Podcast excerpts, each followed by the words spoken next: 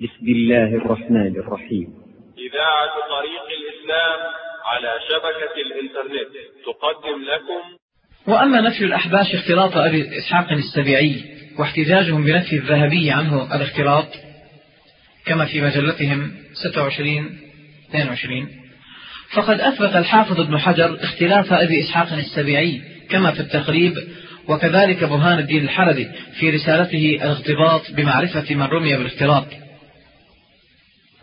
وأثبت ابن الكيال اختلاطه في كتابه الذي أسماه الكواكب النيرات في معرفة من اختلط من الرواة الثقات ونقل عن الحافظ ابن الصلاح آه، حكمه عليه بالاختلاط أيضا. انظر إلى تقريب التهذيب ترجمة رقم 639 ومقدمة فتح الباري 431 والاختباط. ترجمة رقم 85 والكواكب النيرات صفحة 84 أمر آخر أن الرواية التي جاءت من غير يا النداء أصح من هذه التي ورد فيها عدة علل وأهمها الجهالة والاضطراب وكذلك عنعنة السبيع وهو ثقة ولكنه مدلس فإذا جاء أو وردت العنعنة في روايته فحينئذ هذا موجب لها بالطعن أو العلة. وأما احتجاج الأحباش بالذهبي فهو منهم عجيب. أو قد نسوا قول شيخهم في الذهبي أنه خبيث. ثم تعجب شيخهم من الحافظ بن حجر كيف سلم له حكمه على الرجال بجرح أو تعديل؟ فكيف سلمتم للذهبي في هذا الموضع وأعرضتم عن الحافظ بن حجر الذي أثبت اختلاط السبيعي أو نسوا أن شيخهم انتقد الذهبي واتهمه بالتساهل في رواية الحديث وزعم أنه يأتي بأحاديث غير ثابتة وآثار من كلام التابعين من غير تبيين من حيث الإسناد والمتن كما في كتابه إظهار العقيدة السنية صفحة 97 فكيف صار قول الذهبي مقدما على قول الحافظ بن حجر؟ وقد نهى شيخكم عن الأخذ بتصحيحات الحاكم إلا أن يوافقه الذهبي. غير أنه عند الحاجة إلى حشو الأدلة لإثبات هذا الموقف الآن قدم الحاكم على الذهبي كما فعل في حديث لما اقترف آدم الخطيئة قال يا رب أسألك بحق محمد إلى آخر الحديث. فتمسك بقول الحاكم صحيح وتجاهل تعقيب الذهبي عليه بل موضوع. أليس هذا كيلا بمكيالين وتذبذبا في المنهج؟ وإذا كانت شهادة الذهبي في السبيع حجة عندكم فخذوا بشهادته في الرفاعية حيث شهد بأنه قد كثر الزغل في طائفة الرفاعية وتجددت لهم أحوال شيطانية من دخول النيران وركوب السباع واللعب بالحيات كما في كتابه العبر في خبر من غبر مجلد الثالث 75 وهل لكم في روايات أصح سندا من هذه لا خلاف حول قطعية أسانيدها كرواية عمر التي رواها البخاري في العدول عن التوسل بالرسول صلى الله عليه وسلم وبمثل هذه الرواية يحسم النزاع بيننا. إذ الرواية عن ابن عمر لم تصح. ومن شبهاتهم حديث الأعمى المشهور وفيه أن النبي صلى الله عليه وسلم علمه أن يقول يا محمد إني أتوجه إليك في حاجتي هذه لتقضى. وعلى افتراض أنه كان بعيدا فهو استحضار لمضمر في القلب كقول المصلي في صلاته السلام عليك أيها النبي وقد تقدم أن الصحابة تركوا هذا اللفظ لما قبض صلى الله عليه وسلم وصاروا يقولون السلام على النبي. وهو ثابت عن بعضهم كابن مسعود وغيره. ولا يعقل ولا يمكن أن يقول الرسول صلى الله عليه وسلم من يتكفل أن لا يسأل الناس شيئا وأنا أضمن له الجنة؟ ويقول أيضا إذا سألت فاسأل الله. ثم هو يعلمهم أن يسألوا الأموات من أنبياء وصالحين في قبورهم. ثم إن أحدا من الصحابة لم يفهم من هذا الحديث حديث الأعمى جواز الاستغاثة بالنبي صلى الله عليه وسلم بعد موته ولذلك لم يستغيثوا به بعد موته بل تركوا حتى التوسل الذي هو أدنى من الاستغاثة وهو سؤال الله بالنبي صلى الله عليه وسلم كما آه، تركوا التوسل كما في حديث حادثة القحط المشهورة أيام خلافة عمر كما عند البخاري. فكيف يمتنعون عن التوسل به؟ ويجيزون لأنفسهم الاستغاثة به. أما قول الأعمى يا محمد فمن يمكنه أن يؤكد أنه كان بعيدا عنه؟ وقد قال له صلى الله عليه وسلم إيت الميضأة فمن يدعي أنه ذهب إلى ميضاءة بيته؟ والأصل أن يدل السياق على أقرب ميضاءة وهي ميضاءة بيته صلى الله عليه وسلم أو المسجد فلا يكون الأعمى مخاطبا له من مكان بعيد عنه. وأما الاحتجاج بلفظ إني أتوجه بك فهو توجه بدعاء النبي صلى الله عليه وسلم وهذا ما حدث حقا.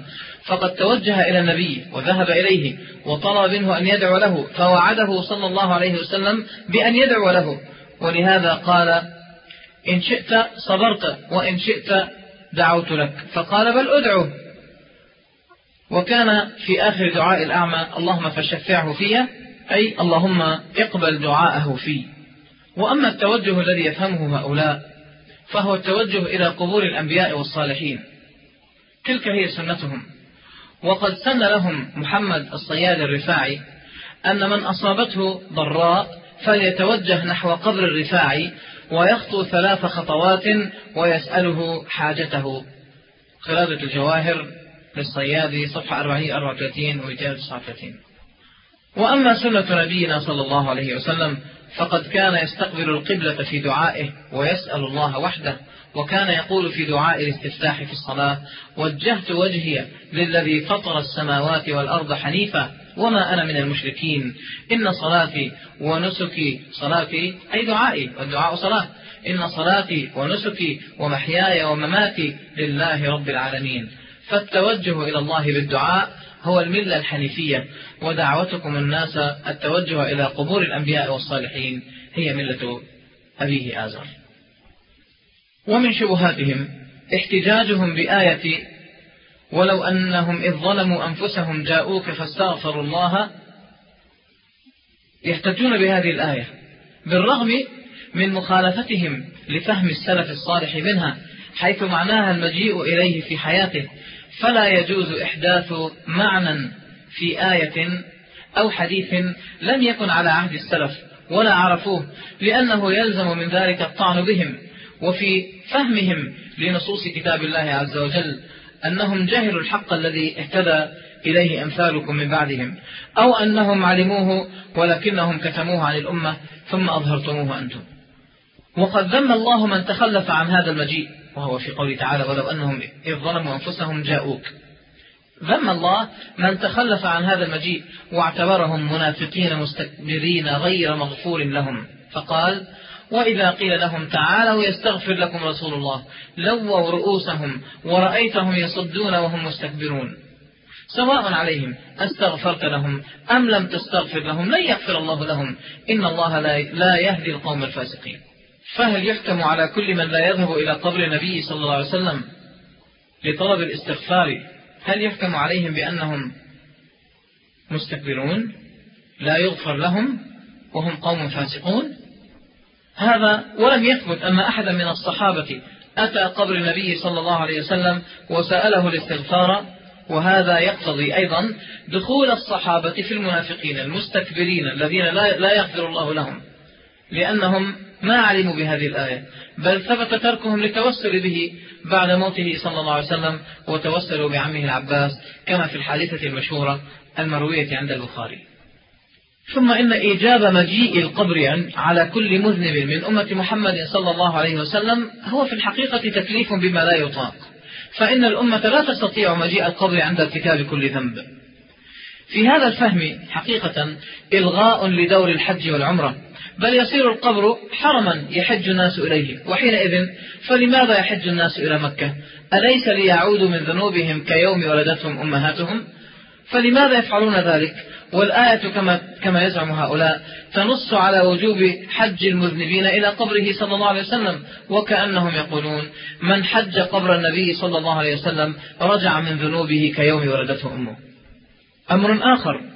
وهو أن الآية خاصة بحياة النبي صلى الله عليه وسلم ودليل ذلك أن قوله إذ ظلموا أنفسهم للماضي لا للمستقبل. وكل عربي يعلم أن إذ المفيدة للماضي تختلف عن إذا المفيدة للمستقبل حيث نزلت الآية في من ترك الرسول صلى الله عليه وسلم وتحاكم إلى الطاغوت فهو بذلك أساء إلى الرسول وترك حقا شرعيا لا تتحقق التوبة منه إلا بالمجيء إلى النبي صلى الله عليه وسلم وإعلان التحاكم إليه.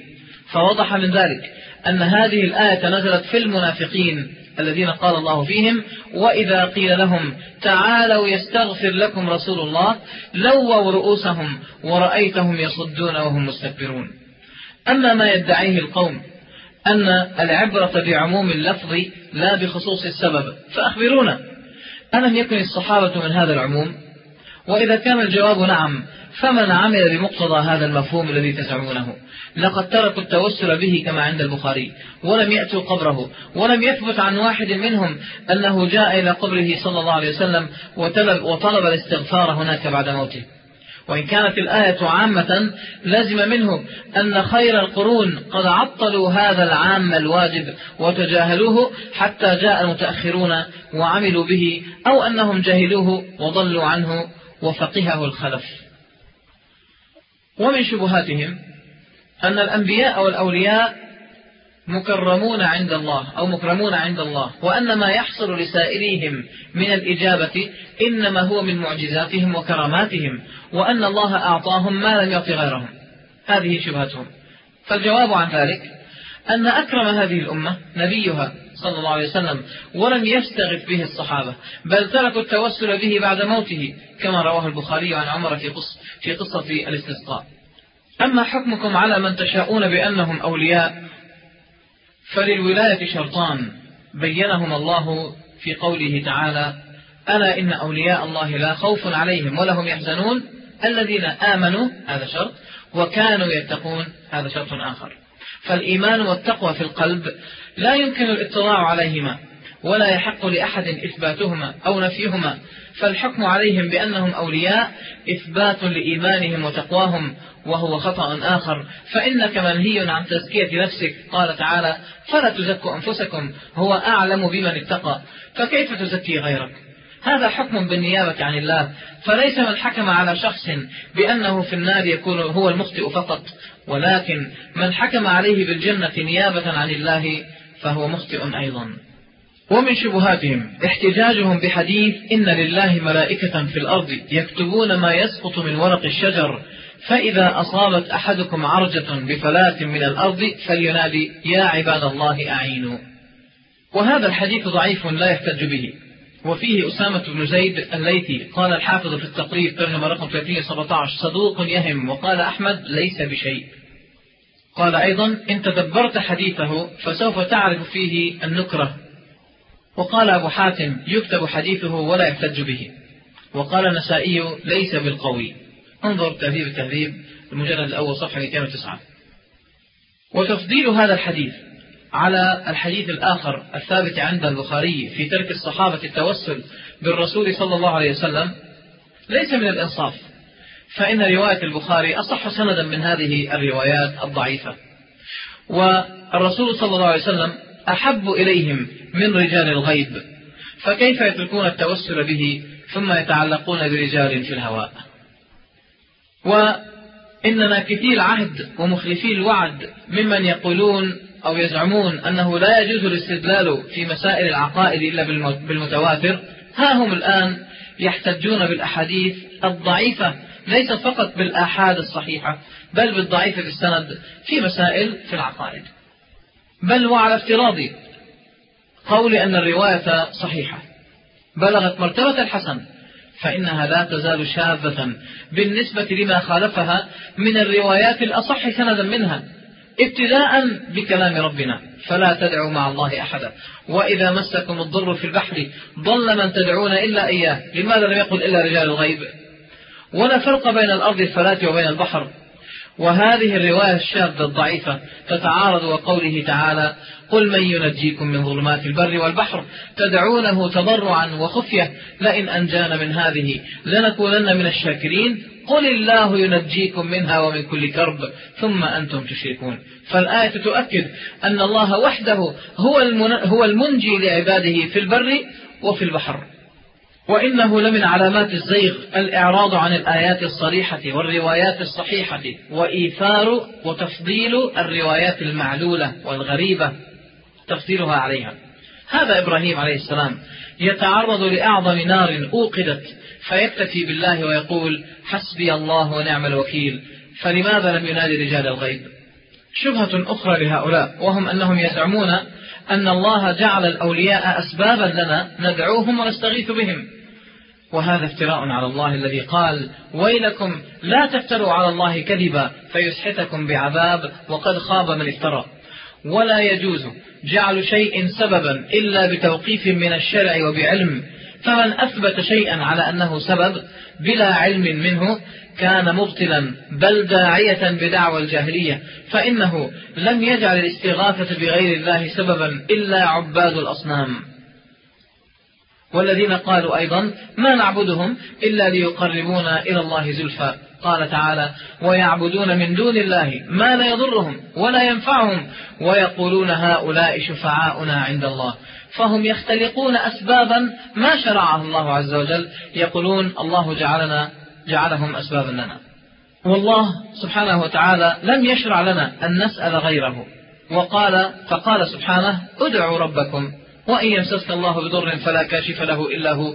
واسأل الله من فضله فلا تدعوا مع الله أحدا. قال صلى الله عليه وسلم إذا سألت فاسأل الله. فلم يسمح لنا أن نسأل الأسباب مع المسبب.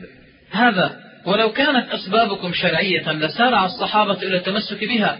ولما تركوا دعاء الرسول صلى الله عليه وسلم بعد موته واتخذوا من دعاء العباس سببا مشروعا لهم. وهذا يؤكد أن فهم الأسباب الشرعية عند الصحابة هو طلب الدعاء من المتوسل به في حياته ويكون ذلك في حياته. وأما ما سواه فهي أسباب غير مشروعة. ولكن أيها الأحبة من أعظم الأسباب النافعة إخلاص العبادة لله. وفي الشرك الضرر في الدين والدنيا لأن النبي صلى الله عليه وسلم أخبر أن شفاعته تنال من حقق التوحيد وابتعد عن الشرك. حتى وإن كان مرتكبا للكبائر قال صلى الله عليه وسلم فهي نائلة أي شفاعة. إن شاء الله من مات من أمتي لا يشرك بالله شيئا. فتأمل كيف جعل رسول الله صلى الله عليه وسلم تحقيق التوحيد من أعظم أسباب نيل الشفاعة؟ ولذلك حري بك أيها الأخ المحب أن تعلم حقيقة ما كان عليه المشركون من الشرك. كانوا يعتقدون بوجود الله. ولكنهم كانوا يتخذون أسبابا يزعمون أنها تقربهم إلى الله زلفى. وليس خافيا أن المشركين في عهد النبي صلى الله عليه وسلم لم يكونوا يخالفون من يقول بأن الله موجود بل هم قد أقروا بأن الله خالق كل شيء. قال تعالى قل من رب السماوات السبع ورب العرش العظيم؟ سيقولون لله. هؤلاء مشركون سيقولون نعم السماوات والأرض والعرش كله لله سبحانه وتعالى. قل من بيده ملكوت كل شيء وهو يجير ولا يجار عليه. إن كنتم تعلمون سيقولون لله. والأنبياء ما جعلوا أول دعوتهم إلى الإيمان بأن الكون مخلوق وأن الله خالق.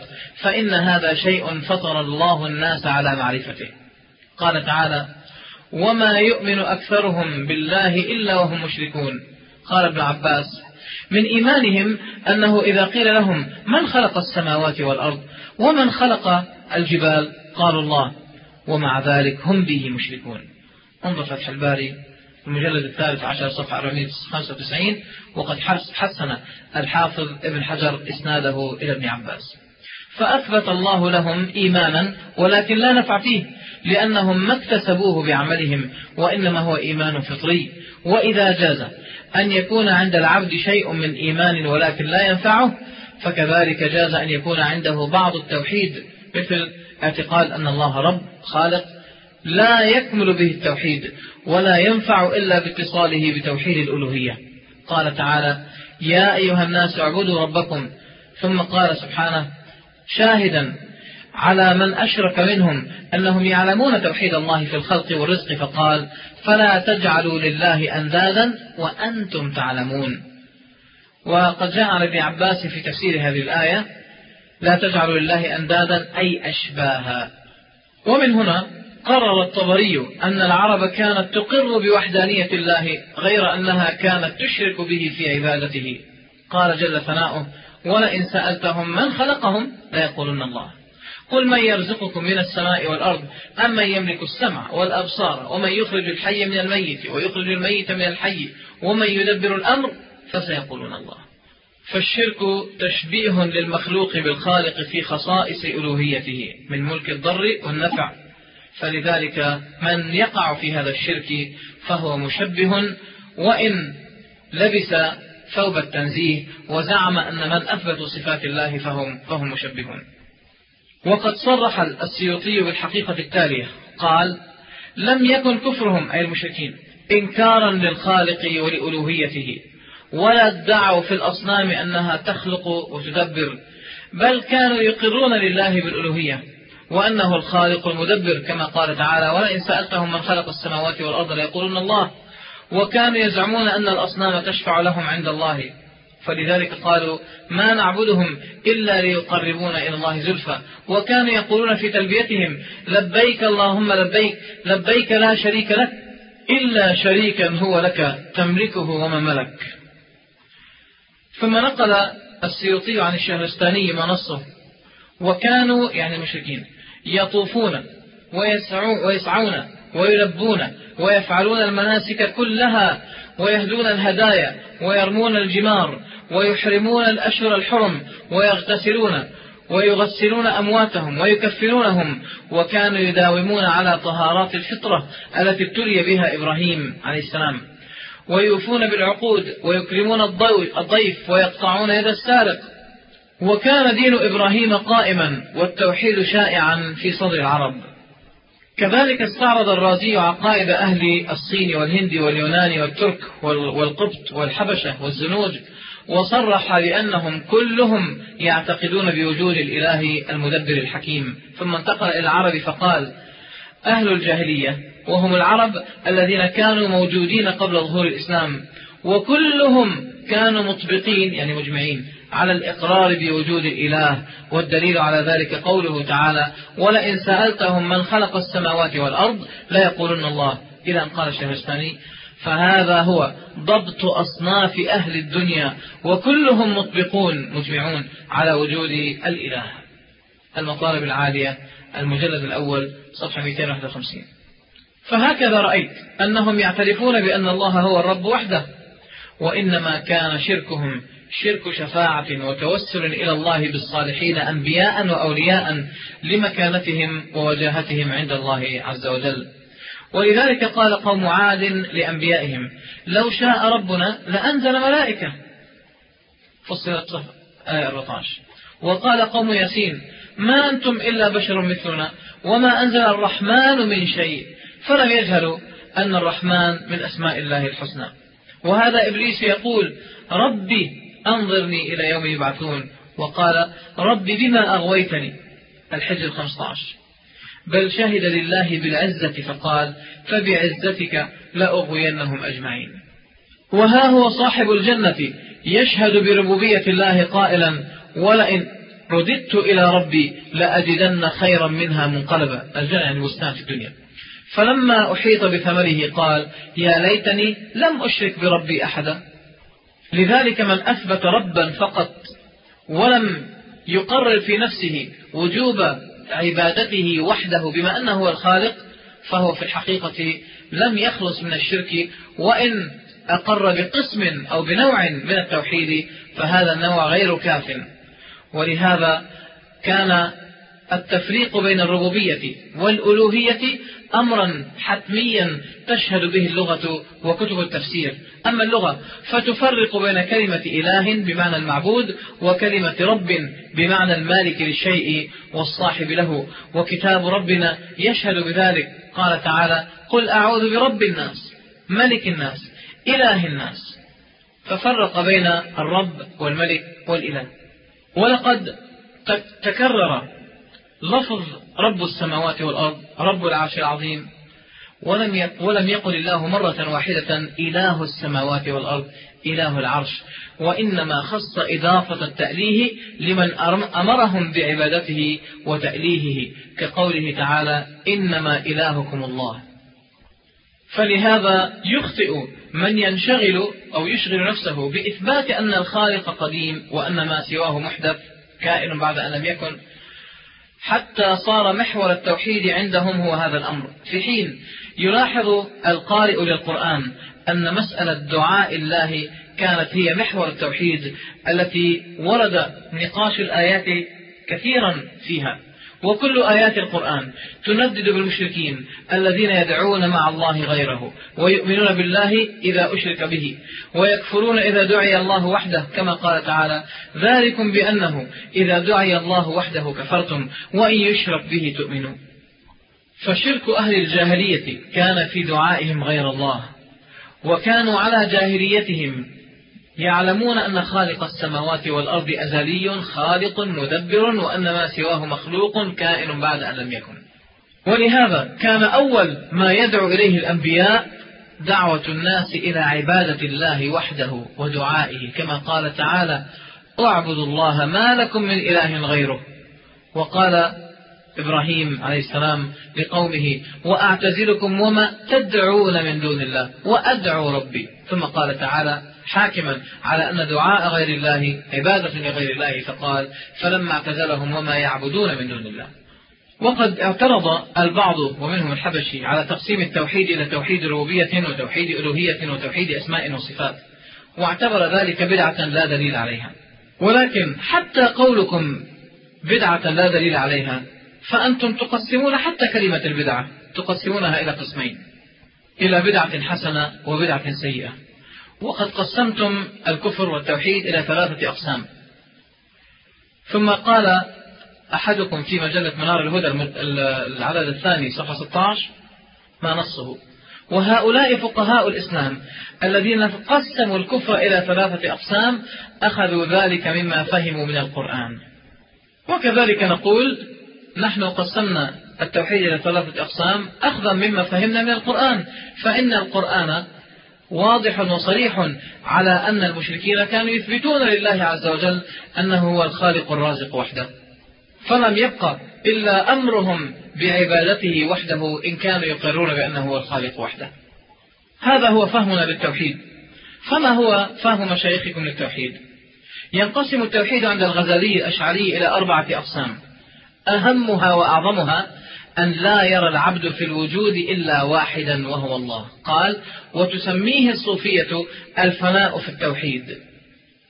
انظر أحياء علوم الدين المجلد الرابع صفحة 245 ويأتي الصوفيون والنقشبنديون وغيرهم ويقسمون التوحيد إلى أو يفهمون من التوحيد وحدة الوجود. جاء في البهجة السنية أو السنية في آداب الطريقة النقشبندية ما نصه. اعلم أن التوحيد قسمان. توحيد شهودي كقول الحلاج أنا الحق وقول أبي يزيد الوسطامي سبحاني ما أعظم شأني. وتوحيد وجودي فالتوحيد الشهودي لا يخالف العقل بخلاف التوحيد الوجودي. البهجة السنية في أداب الطريقة النقشبندية صفحة 80 ومن الأدلة على صحة التقسيم بين أو التفريق بين توحيد الألوهية وتوحيد الربوبية ما أخرجه مسلم. الحديث رقم 382 عن أنس بن مالك رضي الله عنه قال كان رسول الله صلى الله عليه وسلم يغير إذا طلع الفجر وكان يستمع الأذان فإذا سمع أذانا أمسك وإلا أغار. فسمع رجلا يقول الله أكبر الله أكبر. فقال صلى الله عليه وسلم على الفطرة.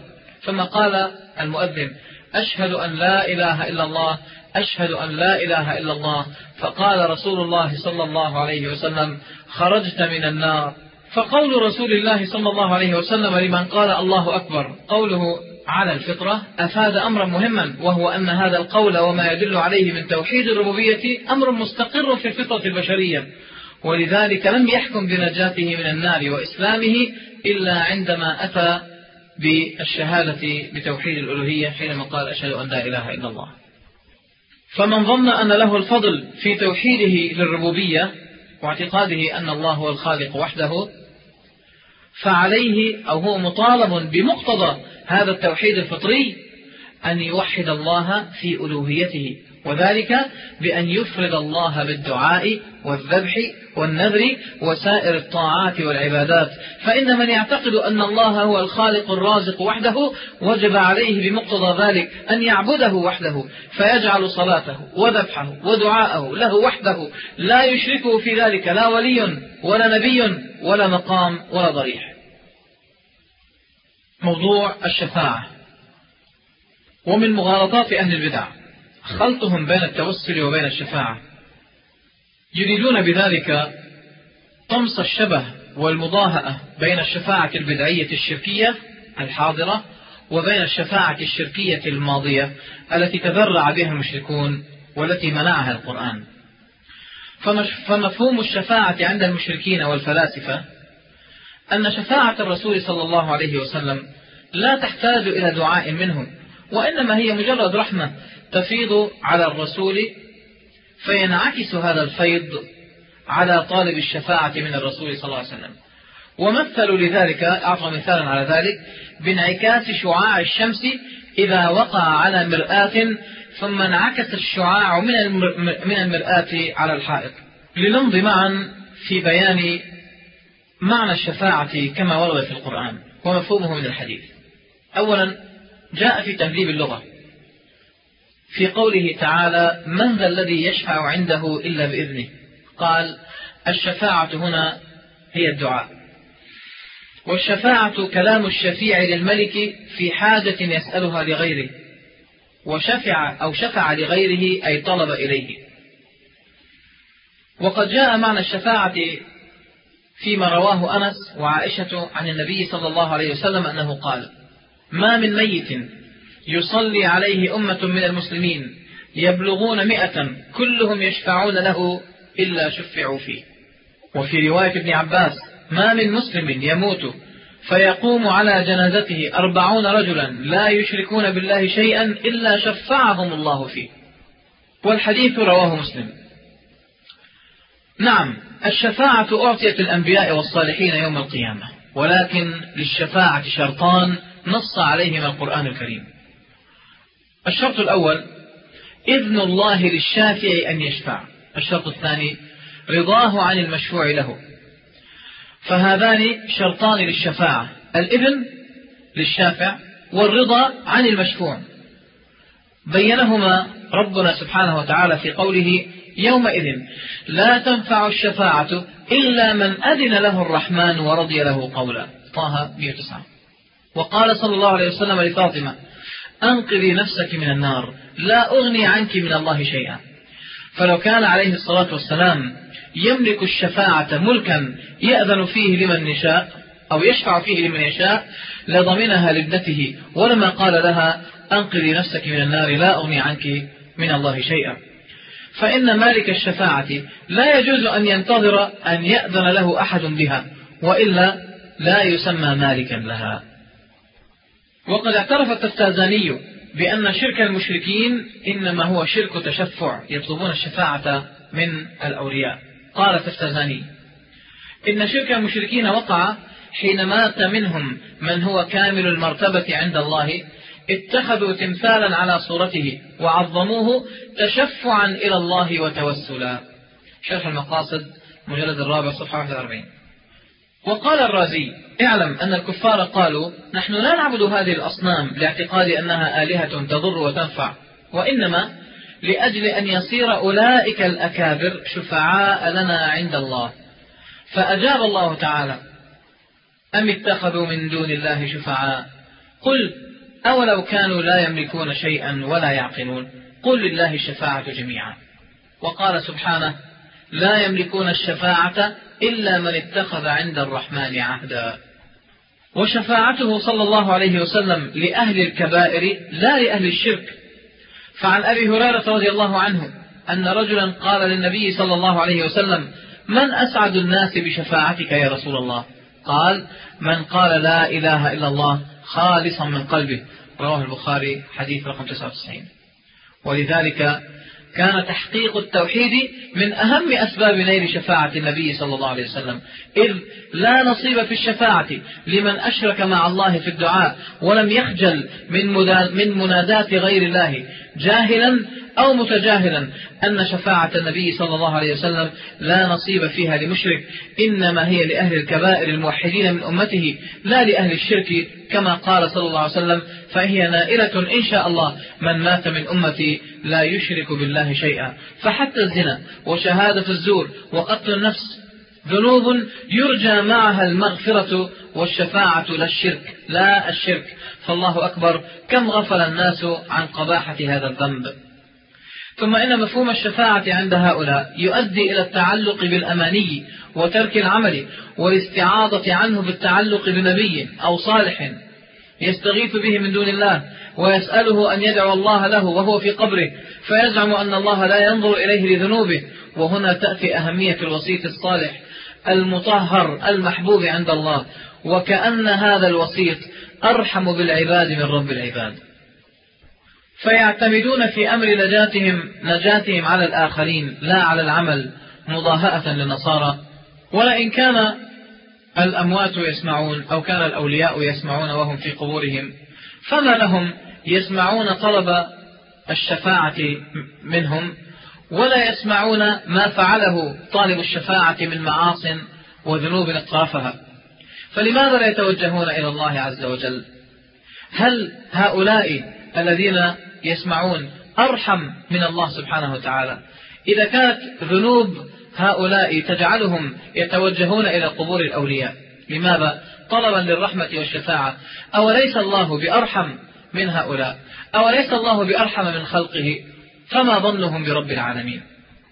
وليعلم أن دعوات الأنبياء ليست مستجابة كلها فالله لم يستجب دعوة النبي صلى الله عليه وسلم في عبد الله بن أبي بن سلول وأصحابه حتى قال إن تستغفر لهم سبعين مرة فلن يغفر الله لهم. وقد رد الحافظ ابن حجر على من زعم أن جميع دعوات الأنبياء مستجابة. قال الحافظ وهذا فيه غفلة عن الحديث الصحيح أن النبي صلى الله عليه وسلم قال إني سألت الله ثلاثا فأعطاني اثنتين ومنعني واحدة. وسأل ربه أن يستغفر لأمه فمنعه ذلك. ولما أراد نوح أن يستغفر لابنه قال الله له يا نوح إنه ليس من أهلك. وهذا إبراهيم عليه الصلاة والسلام لم تنفع شفاعته في أبيه. وإذا كان في حياته عليه الصلاة والسلام يشفع لهم بالدعاء وبعد موته يشفع وبعد قيامه يشفع فأي معنى لقوله صلى الله عليه وسلم أنا أول شافع؟ وما معنى قوله صلى الله عليه وسلم إني اختبأت دعوتي شفاعة لأمتي يوم القيامة؟ فالرسول يقول اختبأت وهؤلاء يتعجلونها ويكذبونه حيث يزعمون أنه لم يختبئها بل هي نائلة من يستغيث به في الدنيا عند قبره.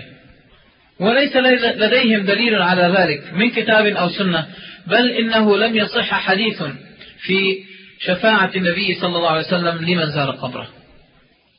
وقد احتج البعض بحديث للنبي صلى الله عليه وسلم حول أويس القرني أو القرني وهو أن النبي صلى الله عليه وسلم ندب أصحابه وعمر بن الخطاب إذا لقوا أويسا أن يستغفر لهم كما قال صلى الله عليه وسلم إن رجلا يأتيكم من اليمن يقال له أويس فمن لقيه منكم فليستغفر لكم. رواه مسلم. لكنهم قد غفلوا عن أن النبي صلى الله عليه وسلم قيد طلب الاستغفار عند لقائه وليس مطلقا لقوله فمن لقيه منكم. فهذا أويس ولي لله بشهادة النبي صلى الله عليه وسلم ولكن هل اكتفى الصحابة بطلب الاستغفار منه قبل أن يلقوه؟ أم طلبوا ذلك منه حينما لقوه كما هو ثابت عن عن عمر التزاما منهم بنص الحديث الذي قيد الطلب باللقاء. وكيف ينص النبي صلى الله عليه وسلم للصحابة بكلام صريح أن يطلبوا من أويس الاستغفار إذا هم لقوه ولم يقل إذا أنا مت فأتوا قبري فإذا أتيتم فسلوني الاستغفار بعد موتي وسلوني حوائجكم فإني حي في قبري. لماذا لم يقل ذلك؟ ولقد علمنا صلى الله عليه وسلم إذا أردنا الفوز بشفاعته صلى الله عليه وسلم أن نسأل الله له لا أن نسأله نسأل الله له لا نسأله من دون الله. كما في صحيح مسلم قال سلوا الله لي.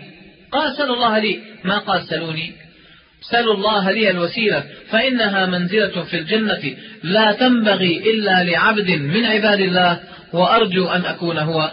فمن سأل لي الوسيلة حلت له الشفاعة. تلك هي الطريقة الشرعية لنيل شفاعة النبي صلى الله عليه وسلم.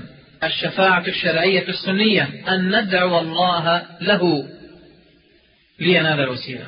والشفاعة الشركية البدعية أن ندعوه صلى الله عليه وسلم من دون الله ونطلب, ونطلب منه مقامه الخاص به. فنسأله الوسيلة نقول يا رسول الله آتنا الوسيلة. يا رسول الله نسألك الوسيلة الوسيلة. وقد صرح النبي صلى الله عليه وسلم أن الوسيلة لا تنبغي إلا لعبد من عباد الله وأرجو أن أكون هو. فكيف نسأله الوسيلة التي صرح بأنها لا تنبغي إلا لعبد واحد؟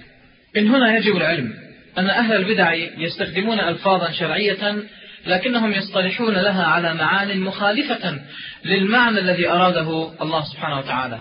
فيطلقون مثلا لفظ التوسل ويقصدون به تارة الاستغاثة بغير الله أو التوسل بذات الصالحين تارة أخرى.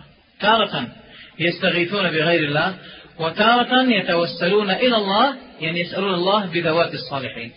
وهذان المعنيان باطلان يخالفهما القرآن الكريم. قال في القاموس في مادة وسل وصل إلى الله تعالى توسيلا أي عمل عملا تقرب به إليه وجاء في المصباح المنير ووصل إلى الله تعالى توسيلا أي عمل عملا تقرب به إليه وتوسل إلى ربه وسيلة أي تقرب إلى الله بعمل. وفي الصحاح الجوهري توسل إليه بوسيلة أي تقرب إليه بعمل. والتوسل إلى الله معناه اتخاذ سبب يزيد العبد قربة من الله. وفي ذلك قوله تعالى يا أيها الذين آمنوا اتقوا الله وابتغوا إليه الوسيلة. عن ابن عباس والسدي وقتادة في معنى هذه الآية أي تقربوا إلى الله بطاعته والعمل بما يرضيه. قال ابن كثير وهذا الذي قاله هؤلاء الأئمة لا خلاف فيه بين المفسرين. وساق الطبري أقوالا حاصلها أن الوسيلة هي التقرب إلى الله بطاعته والعمل بما يرضيه. انظر تفسير ابن كثير المجلد الثاني 52 والطبري المجلد الرابع الجزء السادس صفحة 146 والدر المنثور المجلد الثاني 280 أما الآية الأخرى فهي قوله تعالى قل ادعوا الذين زعمتم من دونه فلا يملكون كشف الضر عنكم ولا تحويلا. أولئك الذين يدعون يبتغون إلى ربهم الوسيلة أيهم أقرب ويرجون رحمته ويخافون عذابه. الإسراء 56 قال ابن عباس ومجاهد وهم عيسى وأمه وعزير والملائكة والشمس والقمر والنجوم. ادعوا الذين زعمتم من دونه. ادعوا. تفسير البغوي مجلد الخامس صفحة 101 نصف محققة ومن هاتين الآيتين يتبين لنا نوعان من التوسل. أحدهما توسل شرعي وهو التقرب إلى الله بالوسائل التي شرعها كالتوسل بأسماء الله الحسنى والتوسل إلى الله بالعمل الصالح. قال تعالى ولله الأسماء الحسنى فادعوه بها وذروا الذين يلحدون في أسمائه سيجزون ما كانوا يعملون. وكذلك التوسل إلى الله بالإيمان والعمل الصالح. قال تعالى ربنا إننا آمنا فاغفر لنا ذنوبنا. وفي آية أخرى ربنا إننا سمعنا مناديا ينادي للإيمان أن آمنوا بربكم فآمنا. ربنا فاغفر لنا ذنوبنا. الثالث التوسل إلى الله بدعاء الرجل الصالح. وهذا مشروع. وقد كان الصحابة يتوسلون إلى الله بدعاء نبيهم صلى الله عليه وسلم. وكانوا يتوسلون بعد موته بدعاء من يتوخون فيه العلم والصلاح. لم يعودوا يتوسلون إلى الله بدعاء النبي لأنه مات عليه الصلاة والسلام. كقول أم الدرداء لصفوان وقد كان مسافرا ادعوا لنا بخير. فإن رسول الله صلى الله عليه وسلم كان يقول دعوة المسلم لأخيه بظهر الغيب مستجابة عند رأسه ملك موكل. كلما دعا لأخيه بخير قال الملك الموكل آمين ولك بمثل. وهكذا توسلت أم الدرداء بدعاء صفوان في الحج. ولكنه لم يثبت عنها ولا عن غيرها. التوسل إلى الله عز وجل بذات النبي عليه الصلاة والسلام. ونسأل هل طبق الصحابة هاتين الآيتين وفهموهما أو بعد أن فهموهما؟ فلماذا لم يفعلوا ما يفعله الناس اليوم من التوسل بذوات الأشخاص أو سؤال الأشخاص بأنفسهم وتسمية ذلك توسلا؟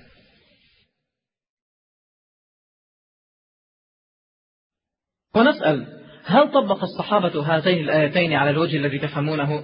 هل كانوا يتوسلون إلى الله بالنبي صلى الله عليه وسلم بعد موته؟ أم أنكم فهمتم فهما جديدا؟ فات الصحابة فهمه حتى عدلوا عنه وتمسكتم أنتم به؟ إننا نرى فهمكم للتوسل متفقا مع فهم المشركين الأوائل للتوسل وهو التوسل بذوات الأشخاص وكانوا إذا نهوا عن هذا الشرك الذي وقعوا فيه قالوا ما نعبدهم إلا ليقربونا إلى الله زلفى. ابن عباس لم يقل والسدي وقتادة لم يقولوا أن التوسل إلى الله يكون بالنبي بل قالوا توسلوا إلى الله بطاعته والعمل بما يرضيه. فإلى أي الفريقين أنتم أقرب؟ إلى الذين قالوا ما نعبدهم إلا ليقربونا إلى الله زلفى أم إلى الذين قالوا أن الوسيلة هنا معناها التقرب إلى الله بالطاعة والعمل الصالح؟ وبهذا يتضح لك أخي المنصف مدى التحريف الذي وقع في فهم معنى كلمة الوسيلة التي أطلقها الله في القرآن. كما أن هناك من سمى الخمرة بغير اسمها فهناك من يسمي الشرك بغير اسمه يسميه توسلا وتبركا كما إنه يسمي التحريف تأويلا ويسمي التعطيل تنزيها ويسمي إثبات صفات الله تشبيها ويسمي الرقص ذكرا ويسمي التقديس محبة هكذا يزين الباطل. ولقد خالف الموحدون خالفوا المشركين بتفريقهم بين التوسل بذوات الصالحين وبين التوسل بدعائهم فتركوا التوسل بذات أفضل الصالحين وسيد المرسلين محمد صلى الله عليه وسلم بعد موته وتوسلوا بدعاء غيره من الأحياء. ولهم في ذلك دليل وسلف من البخاري وغيره الذي روى توسل عمر بالعباس وكذلك الرواية الأخرى ليست عند البخاري وهي توسل معاوية بالأسود بن يزيد. وهذا وهذه رواية حسن الحافظ ابن حجر إسنادها كما في التلخيص الحبير المجلد الثاني 101 والإصابة المجلد السادس 692 وحدث ذلك أمام جمع غفير من الصحابة فكان هذا إجماعا منهم على صحة الفعل. ولذلك قال تعالى ومن يشاقق الرسول من بعد ما تبين له الهدى ويتبع غير سبيل المؤمنين نوله ما تولى ونصله جهنم وساءت مصيرا. فلا بد من الرجوع إلى المعنى الشرعي للفظ التوسل من القرآن والسنة وفهم سلف الأمة. ولا اعتبار للخلاف الذي وقع في التوسل بعدهم. وبعد قول عمر كنا نتوسل بنبيك الذي قاله أمام جموع الصحابة. وقد جعل مؤلفو الحديث جامعو الحديث كالبخاري. هذه الأحاديث تحت باب سؤال الناس الإمام الاستسقاء إذا قحطوا ولم يجعلها تحت باب التبرك بقبور الصالحين. وحول قضية التوسل بالنبي صلى الله عليه وسلم نسأل ما يلي. هل طرأ التوسل بالنبي صلى الله عليه وسلم بعد موته أم كانوا يتوسلون به في حياته؟ الجواب لا شك أنهم كانوا يتوسلون به في حياته. السؤال الثاني إذا ثبت أنهم كانوا يتوسلون به في حياته فكيف كانت طريقة التوسل؟ هل كان التوسل بذاته أم بدعائه؟ السؤال الثالث هل التوسل بالذات مجمع عليه أم مختلف فيه في عهدهم؟ ومتى ابتدأ الخلاف؟ إذا اختلفنا في فهم سنة رجعنا إلى فهم السلف لها. فقد ثبت كما تقدم ترك عمر للتوسل بالنبي صلى الله عليه وسلم بعد موته أمام جمع من الصحابة. فكان المشروع ما فعلوه لا ما تركوه. وفاعل ما تركوه سالك غير سبيلهم. فلقد أصيب الناس في عهده رضي الله عنه بالقحط فخرج عمر بالناس للاستسقاء ثم قال اللهم كنا إذا أجدبنا سألناك بنبيك صلى الله عليه وسلم فتسقينا وإنا نتوسل إليك بعم نبينا فاسقنا. رواه البخاري. وفي رواية أنس كانوا إذا قحطوا على عهد النبي صلى الله عليه وسلم استسقوا به. فيستسقي لهم فيسقون. فلما كان في عهد عمر. انظر فتح الباري المجلد الثاني 495 وقد أجاب هؤلاء عن ترك عمر للتوسل بذات النبي صلى الله عليه وسلم كما في البخاري. أجابوا عن ذلك بأن توسل عمر بالعباس إنما كان لتعليم المسلمين جواز التوسل بالمفضول مع وجود الفاضل.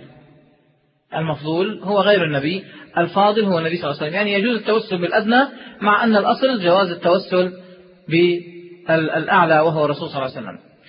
لكن هذا لو ثبت بإسناد صحيح ولو مرة واحدة أن واحدا من الصحابة توسل إلى الله بميت لقلنا يمكن أن نصدق بهذه القاعدة التي أتيتم بها. بل الثابت توسلهم بدعاء العباس والأسود بن يزيد وهذا ما يبطل هذه القاعدة التي أتوا بها وهي جواز التوسل بالمفضول مع وجود الفاضل. هذا تعليل لا نسلم به إلا بدليل يرد فيه. يعني كأن يقول عمر فعلنا ذلك لكن الأفضل أن نفعل ذلك أن نتوسل بالنبي صلى الله عليه وسلم.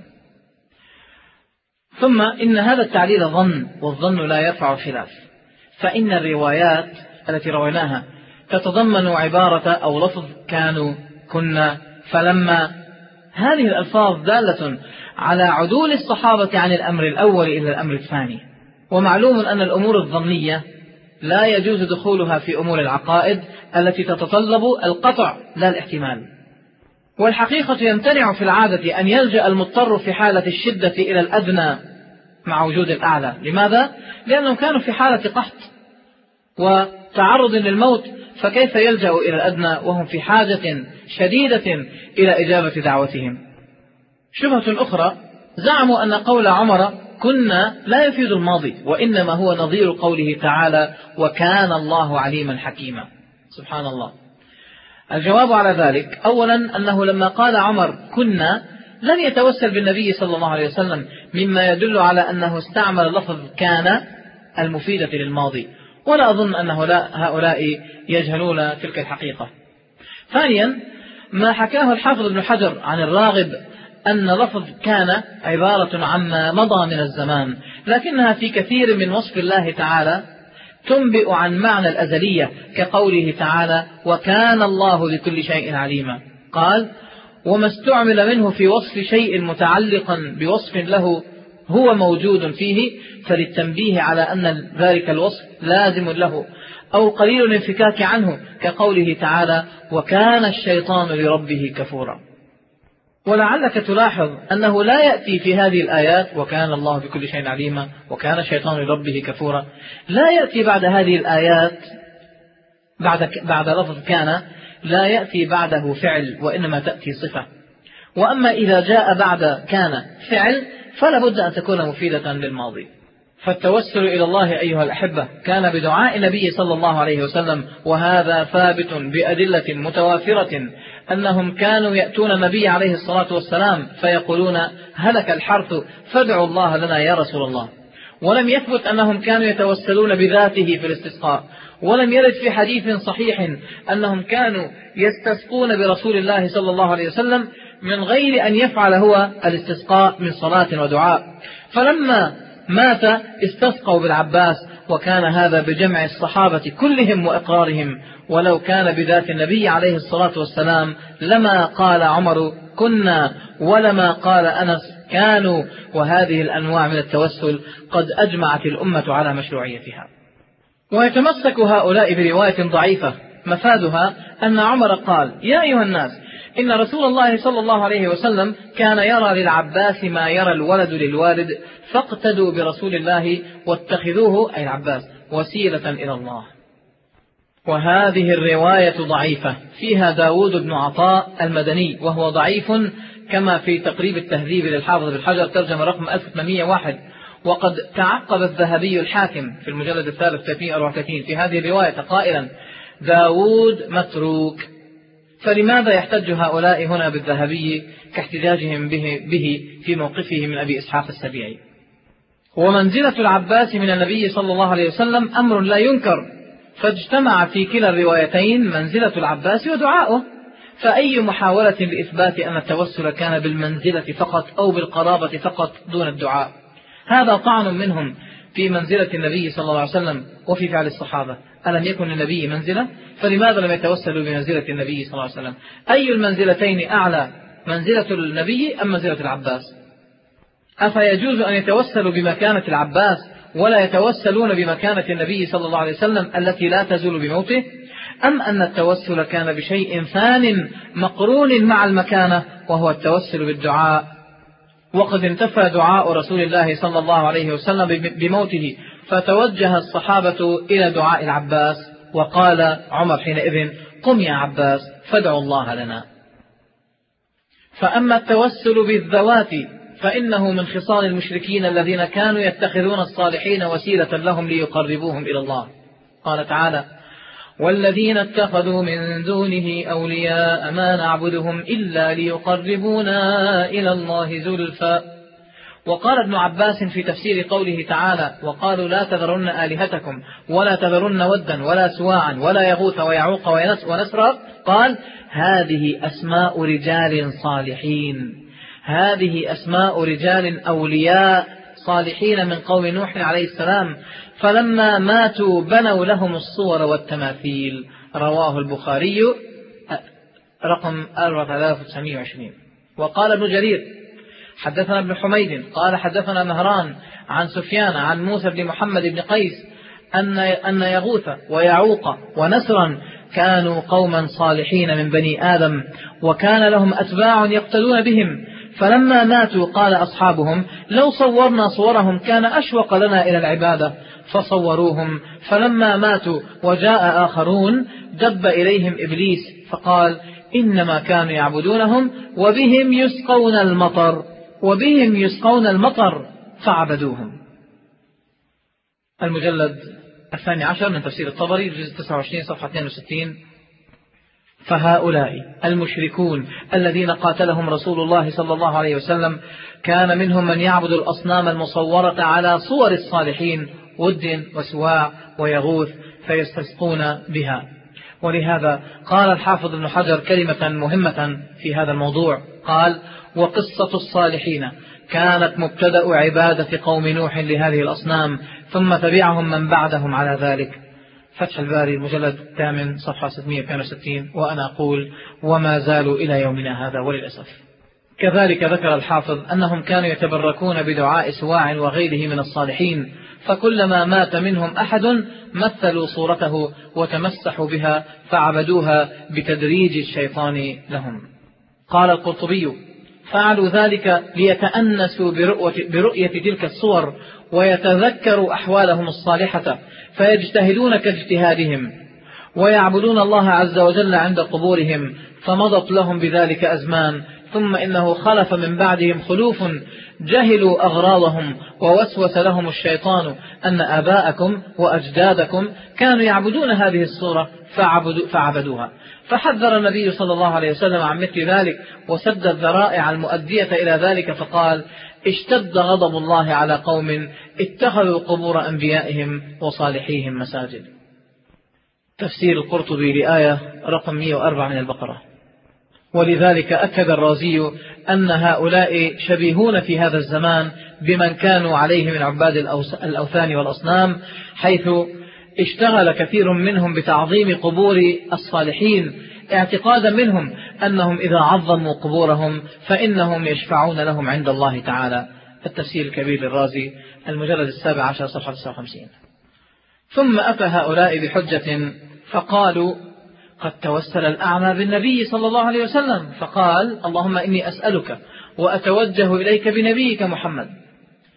ثم نشأت الشبهة بعد ذلك. فقالوا لو كان التوسل بالدعاء لما قال الأعمى أسألك اللهم بنبيك ولا قال أسألك بدعاء نبيك فلماذا تضيفون ما لم ترد إضافته؟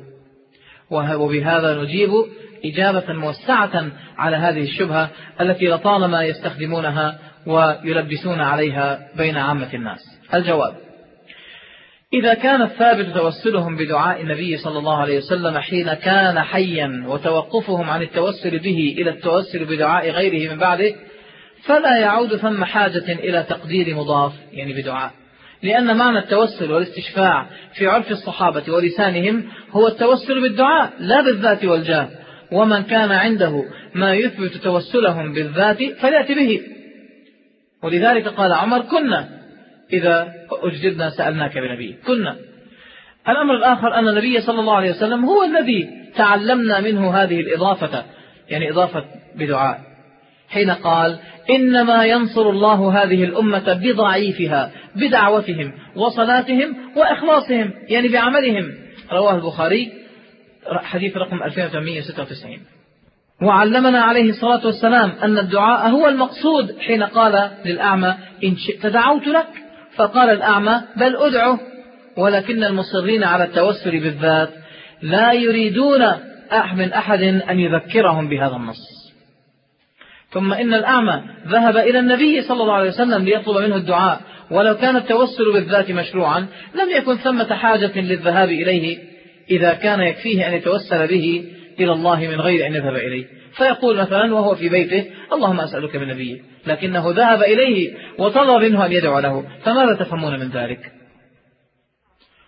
فإن النبي صلى الله عليه وسلم وعده بالدعاء له فقال إن شئت دعوت لك. فألح عليه الأعمى بالدعاء قائلا بل أدعه وهذا وعد من الرسول صلى الله عليه وسلم بالدعاء للأعمى علقه على مشيئته. وقد شاءه الأعمى بقوله بل أدعه ويقتضي ذلك أنه صلى الله عليه وسلم دعا له. وهو خير من وفى بما وعد. يؤكد ذلك أيضا قول الأعمى في دعائه الذي علمه الرسول أن يدعو به اللهم فشفعه في أي اقبل دعاءه في والشفاعة معناها الدعاء كما قال في لسان العرب الشفاعة كلام الشفيع للملك في حاجة يسألها لغيره.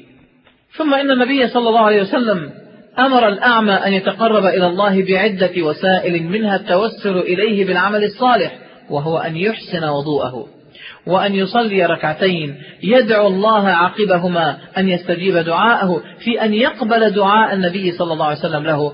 وهذا معنى قوله عليه في الدعاء وشفعني فيه أي أدعوك يا ربي أن تتقبل دعاء النبي صلى الله عليه وسلم لي. وهذه العبارة لا يريدون أن يفقهوها أو أن يذكرهم أحد بها. فاللغة والشرع يشهدان بصحة ذلك. ولنتأمل هذين الحديثين عن أنس وعائشة عن النبي صلى الله عليه وسلم قال ما من ميت يصلي عليه أمة من المسلمين يبلغون مئة كلهم يشفعون له إلا شفعوا فيه. وفي رواية ابن عباس ما من مسلم يموت فيقوم على جنازته أربعون رجلا لا يشركون بالله شيئا إلا شفعهم الله فيه. فمعنى شفعهم الله فيه أي قبل دعاءهم له. فيصير معنى شفعني فيه أي اقبل دعائي بأن تستجيب دعاءه. وهم لا يفهمون معنى قوله صلى الله عليه وسلم للأعمى ائت الميضأة. وكأن معناه عندهم إلى اذهب إلى ميضاءة بيتك. ولماذا تكون الميضاءة قريبة منه صلى الله عليه وسلم كما يفهم من سياق الرواية. وليس هناك دليل على أن الأعمى ذهب إلى مكان آخر وصلى هناك ثم دعا بهذا الدعاء. ولقد لقيت شيخا صوفيا ضريرا كان يحتج علي بحديث الأعمى. فقلت له وأنت؟ ألست أعمى؟ قال بلى. قلت له فهل دعوت بهذا الدعاء؟ قال نعم دعوت ولم يستجب لي لأن إيماني ضعيف. قلت سبحان الله. ليس هذا هو السبب بل لأن الشرط الذي تتجاهلونه وهو دعاء النبي صلى الله عليه وسلم غير متحقق بعد موته وهو خير الأعمى حينما كان حيا بين أن يدعو له أو أن يصبر وله الجنة. ولكن كيف يمكن تخييرك أنت؟ هل يخيرك النبي صلى الله عليه وسلم الآن بين أن يدعو لك وبين أن تصبر؟ وذكروا قصة لا تليق بعثمان بن عفان رضي الله عنه. احتجوا بما أخرجه الطبراني في معجميه عن عثمان بن حنيف أو حنيف أن رجلا كان يختلف إلى عثمان بن عفان فكان, لا فكان عثمان لا يلتفت إليه ولا ينظر في حاجته. تأمل. كم في هذه الرواية من الانتقاص لشخص عثمان رضي الله عنه هذا الرجل الحي, الحيي الذي تستحي منه الملائكة. فلقي عثمان بن حنيف فشكى إليه ذلك فقال ائت الميضاءة فتوضأ ثم صل ركعتين ثم قل اللهم إني أسألك وأتوجه إليك من نبينا نبي الرحمة يا محمد إني أتوجه بك إلى ربي في حاجتي لتقضى لي. ثم رح حتى أروح معك ففعل ما قال ثم أتى باب عثمان فجاء البواب فأخذ بيده فأدخله على عثمان بن عفان فأجلسه فقال ما حاجتك؟ فقضاها له ثم قال له إذا كانت لك حاجة فأتنا. فخرج الرجل وأتى إلى عثمان بن حنيف وقال له جزاك الله خيرا ما كان ينظر في حاجتي ولا يلتفت إلي حتى كلمته في. فقال له عثمان بن حنيف والله ما كلمته ولكن شهدت رسول الله صلى الله عليه وسلم وأتاه ضرير فشكى إليه ذهاب بصره. فقال له النبي صلى الله عليه وسلم ائت الميضاءة فتوضأ ثم صل ركعتين ثم ادعو بهذه الدعوات. قال الطبراني والحديث صحيح. قال الطبراني الحديث صحيح بعدما ذكر هذا الأثر. هذا أثر هذا ليس حديثا عن النبي صلى الله عليه وسلم. لماذا أكد أو خصص الطبراني الحديث بالصحة وليس الأثر؟ لماذا لم يذكر شيئا عن الأثر؟ وإنما خصص الصحة بالحديث وهو ذهاب الأعمى إلى النبي صلى الله عليه وسلم. سنذكر بالتفصيل سبب ذلك. أولا إن قصة الرجل مع عثمان رضي الله عنه عند الطبراني ضعيفة السند ولم يتعرض لها الطبراني بتصحيح وإنما قال في المعجم الصغير المجلد الأول صفحة 184 لم يروه عن روح بن القاسم إلا شبيب بن سعيد المكي وهو ثقة وهو الذي يحدث عنه ابنه أحمد بن شبيب عن يونس ابن يزيد الأيلي.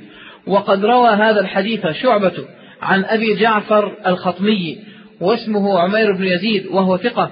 تفرد به عثمان بن عمر بن فارس عن شعبة والحديث صحيح. وقوله الطبراني لم يروه مشعر بضعف القصة عنده عند الطبراني. ووقع التفرد فيها وهو الحق فإن آفة إسنادها رواية عبد الله بن وهب عن شبيب بن سعيد وهي منكرة عند جميع أهل الحديث كما أشار إليه ابن عدي وقال حدث عنه ابن وهب بمن بمناكير. وأيضا حدث عنه ابن وهب بأحاديث منكرة وأقره الحافظ على ذلك في تقريب التهذيب. الترجمة 2739 فقال الحافظ في ترجمة شبيب لا بأس بحديثه من روايات ابنه أحمد عنه لا من رواية ابن وهب. وقال في مقدمة الفتح صفحة 409 ولذلك أخرج البخاري من رواية ابنه ابن سعيد الشبيب عن يونس أحاديث ولم يخرج عن يونس ولا من رواية ابن وهب عنه شيئا. قال ابن عدي ولعل شبيبا لما قدم مصر في تجارته كتب عنه ابن وهب من حفظه فغلط ووهم وأرجو ألا يتعمد الكذب. ويؤكد نكارة تفرد ابن وهب عن شبيب أن أحمد بن شبيب وهو المختص بالرواية عن أبيه روى الحديث من غير زيادة هذه القصة كما عند الحاكم في المستدرك المجلد الأول 526 ورواه ابن السني في عمل اليوم والليلة صفحة 170 من طريق أحمد بن شبيب ابن سعيد.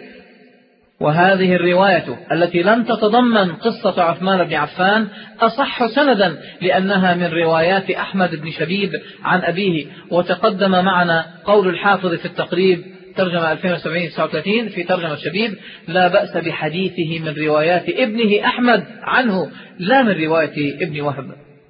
شبهة أخرى واحتجوا بزيادة وردت عند ابن أبي خيثمة في تاريخه في آخر الحديث وهي وإن كانت لك حاجة فافعل مثل ذلك وهي, وهي زيادة لم ترد في رواية من رووا عن حماد فلقد رواه النسائي في عمل اليوم والليلة رقم 658 وأحمد في المسند مجلد الرابع 132 وليس فيها هذه الزيادة وإن كانت لك حاجة. ثم إن رواية الأعمى جاءت من طريق شعبة وحبان بن هلال من غير هذه الزيادة. ثم إنه على القول بأنها من طريق حماد بن سلمة فإنه وإن كان ثقة إلا أنه خالف بهذه الزيادة رواية من هو أوثق منه ممن لم تتضمن, ممن لم تتضمن رواياتهم هذه الزيادة. ولقد قال الحافظ عن حماد في التقريب ترجمة 1499 ثقة عابد تغير حفظه بأخره. وقال البيهقي في السنن الكبرى المجلد الرابع 94 حماد بن سلمة وإن كان من الثقات إلا أنه ساء حفظه في آخر عمره فالحفاظ لا يحتجون بما يخالف فيه ويجتنبون ويجتنبون ما يتفرد به عن قيس بن سعد خاصة وأمثاله. ثم قال فالاحتياط أن لا يحتج بما يخالف فيه الثقات. قاله البيهقي في الخلافيات ونقله عنه الزيلعي في نصب الراية المجلد الأول 386 والمسألة أيها الإخوة في أهم أصول العقيدة فإن القوم يريدون بها تجويد سؤال غير الله عز وجل لكنهم هنا يخالفون أصولهم في الاقتصار في أمور العقائد على الصحيح المتواتر. فلا يريدون التحقق من هذه الرواية لأنها تؤيد مذهبهم وهواهم. فالرواية إما مكذوبة وإما منكرة فكيف يجوز تقديمها على ما صح في البخاري من ترك الصحابة التوسل بالنبي صلى الله عليه وسلم بعد موته وتحولهم إلى التوسل بدعاء عمه العباس؟ ثم إنه على فرض صحة القصة فإن فعل الصحابي الواحد إذا كان مخالفا لما أجمع عليه الصحابة لا يكون حجة. وقد جاء توسل عمر عمر بدعاء العباس أمام جمع من الصحابة مخالفا لقصة عثمان بن حنيف مع عثمان بن عفان على افتراض ثبوت سندها. وكما ذكرنا في هذا الأثر إساءة أبد أدب في حق الصحابي الجليل عثمان رضي الله عنه يلاحظ ذلك. كل من تأمل التركيبة الملفقة التي ركبت منها هذه الرواية التي ترضي أذواق أعداء الصحابة وتروي حقدهم ضد الصحابة فلا تسارع إليها فإن مفادها أن عثمان كان يحتجب عن الناس ولا يلتفت إلى حوائجهم وكفى بذلك ذما لعثمان. فقد دعا رسول الله صلى الله عليه وسلم على من يحتجب عن حوائج الناس عن الإمام. فقال من ولاه الله شيئا من أمور المسلمين فاحتجب فاحتجب دون حوائجهم وخلتهم وفقرهم احتجب الله دون حاجته وخلته وفقره يوم القيامة. وفي رواية ما من إمام يغلق بابه دون ذوي الحاجة والخلة والمسكنة إلا أغلق الله أبواب السماء دون خلته وحاجته ومسكنته. رواه الترمذي حديث رقم 1332 وأبو داود 2948 فلا يجوز التمسك بقصة ضعيفة تطعن في صهر رسول الله صلى الله عليه وسلم لمجرد مناسبتها هوى دعاة الاستغاثة بالأموات. واحتجوا أيضا بقوله تعالى واتقوا الله الذي تساءلون به والأرحام. إن الله كان عليكم رقيبا. قالوا انظروا هذا هذا جواز على توسل الرجل بالرحم. والجواب أن هذا سؤال بسبب صلته للرحم وهذا عمل صالح. وقد قلنا من قبل أنه يجوز التوسل إلى الله بالعمل الصالح. فكذلك صلة الرحم عمل صالح. وقد عرض ابن جرير الأقوال في هذه الآية ثم رجح ما يلي قال اتقوا الله واتقوا الأرحام أن تقطعوها أو اتقوا الله في الأرحام. تفسير ابن جرير المجلد الثالث الجزء أربعة صفحة 152 موقف أبي حنيفة من التوسل. وقد جاء في الدر المختار. المجلد الثاني صفحة 630 وهو من أشهر كتب الحنفية ما نصه. عن أبي حنيفة قال لا ينبغي لأحد أن يدعو الله إلا به. هذا الآن الكلام عن التوسل بالذوات. والدعاء المأذون فيه المأمور به هو ما استفيد من قوله تعالى ولله الأسماء الحسنى فادعوه بها. قال أبو حنيفة وأكره أن يقول قائل أسألك بحق فلان أو بحق أنبيائك ورسلك الفتاوى الهندية المجلد الخامس 280 والفقه الأكبر شرح ملا علي قاري صفحة 110 وقال أبو يوسف لا يدعى الله بغيره. قال المرتضى الزبيدي في شرح إحياء علوم الدين وقد كره أبو حنيفة وصاحباه أن يقول الرجل أسألك بحق فلان أو بحق أنبيائك ورسلك إذ ليس لأحد على الله حق.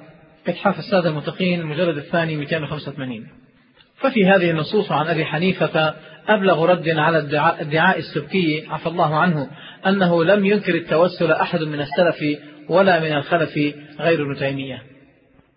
ثم أتوا بحجة واهية أخرى وهي أن الله جعل لنا هؤلاء أسبابا الصالحين الأنبياء فنحن نتوسل بهم إلى الله.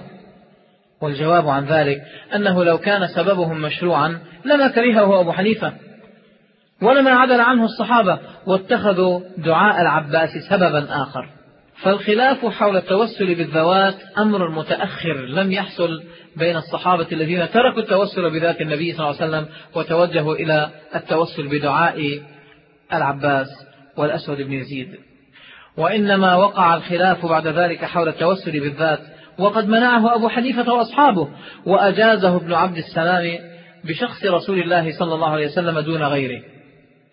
فقال ينبغي كون هذا مقصورا على النبي لأنه سيد ولد آدم وأن لا يقسم على الله بغيره من الأنبياء أو الملائكة أو الأولياء لأنهم ليسوا في درجته وأن يكون مما خص به تنبيها على علو رتبته وسمو مرتبته. ولكن إذا اختلفوا هؤلاء العلماء فما موقفنا نحن من اختلافهم؟ هل نترك المسألة هكذا من غير تصويب وترجيح لأحد أقوالهم؟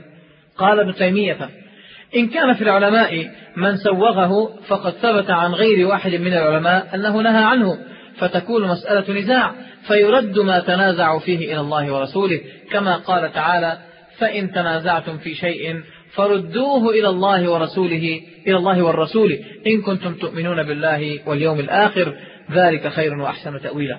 فنقول قد توسل عمر بالعباس وترك التوسل برسول الله صلى الله عليه وسلم بعد موته أمام جمهور الصحابة وأقروه بلا إنكار واحد منهم. فنحن مع تقديرنا للعز بن عبد السلام رحمه الله نرغب عن فتواه تمسكا بما أجمع عليه أصحاب محمد صلى الله عليه وسلم. فإن عدول الصحابة أي تركهم عن التوسل بالنبي صلى الله عليه وسلم بعد موته إلى عباس وكان آنذاك حيا دليل واضح على أن المشروع ما فعلوه دون غيره. لذا فمن لا يفرق بين التوسل بالحي وبين التوسل بالميت نحتج عليه بتوسل الصحابة بالنبي صلى الله عليه وسلم وهو حي. فلما مات تركوا التوسل به وعدلوا عن التوسل به إلى التوسل بالعباس. ومن لا يفرق بين التوسل والاستغاثة نحتج عليه بما روى البخاري عن أحمد لا يستغاث بمخلوق كما جاء في خلق أفعال العباد صفحة 123 وقد وردت روايتان متعارضتان عن أحمد. إحداهما تجيز التوسل والأخرى تمنعه ولكن تحريمه للاستغاثة بغير الله ثابت ولم يرد عنه جواز الاستغاثة بغير الله. فإن من يحتج بأحمد في جواز التوسل بالنبي صلى الله عليه وسلم لا يستطيع أن يحتج بأحمد في مسألة جواز الاستغاثة بغير الله عز وجل.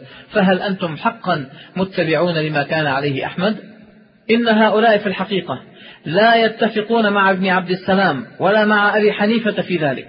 وقد خالف وقد خالفوا أبا حنيفة في كراهية التوسل بذات النبي أو غيره وخالفوا ابن عبد السلام فعمموا التوسل بعد أن قيده وخصصه هو برسول الله صلى الله عليه وسلم دون غيره.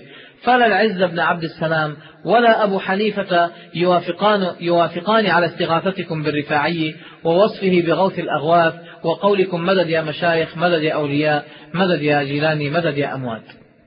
وهذه شبهة أخرى. قالوا ألم تسمعوا حديث اللهم أسألك بحق السائلين عليك؟ لكن هذا حديث ضعيف فيه عطية العوفي. في روايته وهن وقد ضعفوه وهو مشهور بضعفه وتشيعه وتدليسه عند المحدثين.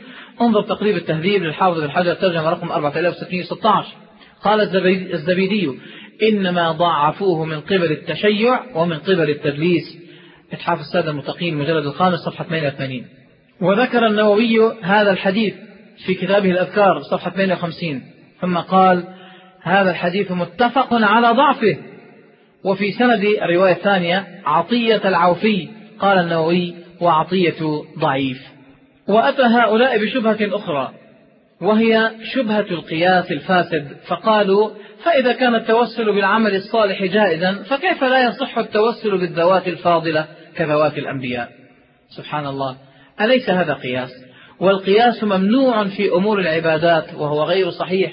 لا يجوز هذا القياس.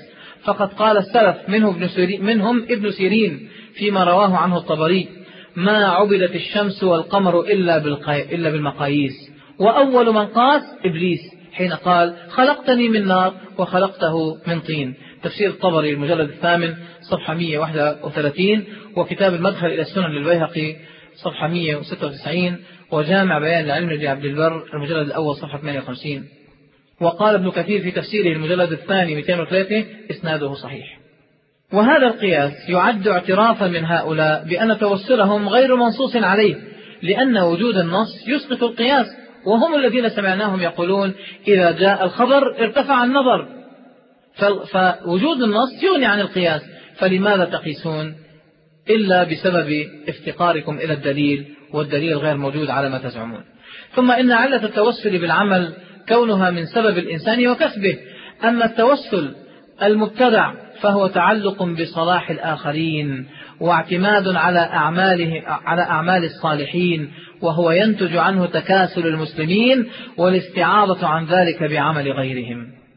ويؤدي ذلك إلى الفوضى السلوكي وإلى شيوع الفاحشة والفساد وترك الدين والإعراض عن دين الله بين عامة الناس لأنه يعلمهم التعلق بصلاح الآخرين ولا يذكرهم بضرورة تمسكهم وتغيير حالهم والحرص على العمل الصالح. وهذا القياس الذي ذكروه هو قياس لغير المشروع على المشروع فإن التوسل بالعمل الصالح ثابت مشروع فأين ثبوت التوسل بالذوات؟ ثم إن ترك الصحابة التوسل به بعد موته إلى التوسل بدعاء عمه العباس دليل على فساد هذا القياس. وأيضا أتوا بشبهة أخرى فأتوا بقياس آخر. قالوا النبي صلى الله عليه وسلم من أشرف الوسائل إلى الله وهو ذو المقام المنيع الرفيع عند الله. ولذلك قال الألوسي في الرد على مثل هذه الشبهة وهي كلمة حق أريد بها باطل. إذ كيف يخفى على الصحابة شرف مقام نبينا صلى الله عليه وسلم فلم يتوسلوا بمقامه وخرج بهم عمر إلى ضواحي المدينة وأعلن أنهم كانوا إذا أجدبوا توسلوا بالنبي ثم توسل عمر بالعباس دون النبي. فكيف يصرح عمر بترك التوسل بهذا المقام العالي والمنزلة الرفيعة؟ ولقد أمرنا أن نتوسل إلى الله بأسمائه الحسنى وصفاته العلى وليس هناك أعظم ولا أشرف من التوسل بأسماء الله الحسنى وصفاته العلى. وزعموا أيضا أن الله أمرنا بالتوسل بالأولياء وأن عدم التوسل بهم مخالفة للأمر القرآني وابتغوا إليه الوسيلة. قالوا الله أمرنا أن نتخذ الأولياء وسيلة. وإذا لم نفعل ذلك فهذا طعن منا بالأولياء والأنبياء. ولكن قد تقدم أن الاستدلال بالآية هو استدلال باطل فلا يوجد في شيء من التفاسير المعتبرة كالطبري والبغوي وابن كثير أن معنى الآية هو التوسل بالأنبياء والأولياء وإنما ثبت تفسير التوسل بالعمل. فعن ابن عباس والسدي وقتادة ابتغوا إليه الوسيلة أي تقربوا إليه بطاعته والعمل بما يرضيه. قال ابن كثير وهذا الذي قاله هؤلاء الأئمة لا خلاف فيه بين المفسرين وساق الطبري أقوالا مثل ذلك. قال أبو الليث السمرقندي كبير مشايخ الحنفية قوله تعالى وابتغوا إليه الوسيلة أي اطلبوا القربة والفضيلة بالأعمال الصالحة. بحر العلوم المجلد الثالث 73 ولم يقل أحد من المفسرين المعتبرين أن معنى قوله ابتغوا إليه الوسيلة أي سلوا الأموات من دون الله أو اتخذوا الأولياء وسيلة لكم إلى الله. أما أنهم أولياء فقد تقدم أن للولاية شرطان هما الإيمان والتقوى وكيف يستطيع أحدنا أن يحكم على شخص بأنه مؤمن وتقي؟ هذا لا يستطيع أحد إلا الله سبحانه وتعالى الذي يعلم ما في النفوس. واحتجوا بقوله تعالى وقال لهم نبيهم إن آية ملكه أن يأتيكم التابوت فيه سكينة من ربكم وبقية مما ترك آل موسى. قالوا دلت هذه الآية على مشروعية التوسل بآثار الأنبياء. سبحان الله الجواب أن الآية دلت على أنهم أنكروا ملك طالوت لأنه ليس من سلالة الملوك. فقال لهم نبيهم إن دليل ملكه أن يأتيكم التابوت تسكنون لصحة كونه آية. وفيه بقية مما ترك آل موسى وآل هارون تستدلون بهذه البقية على الصحة أيضا. وقد عرض ابن جرير الأقوال في الآية ثم قال وأولى الأقوال بالحق في معنى السكينة ما قاله عطاء بن أبي رباح من الشيء تسكن إليه النفوس من الآيات التي يعرفونها. هذا هو فهم السلف. أما هذا الفهم الجديد وهو جواز التوسل بآثار الأنبياء فهو فهم فيه افتراء على الصحابة وطعن في فهمهم لكتاب الله. فلماذا لم يفهم الصحابة من الآية ما فهمتم؟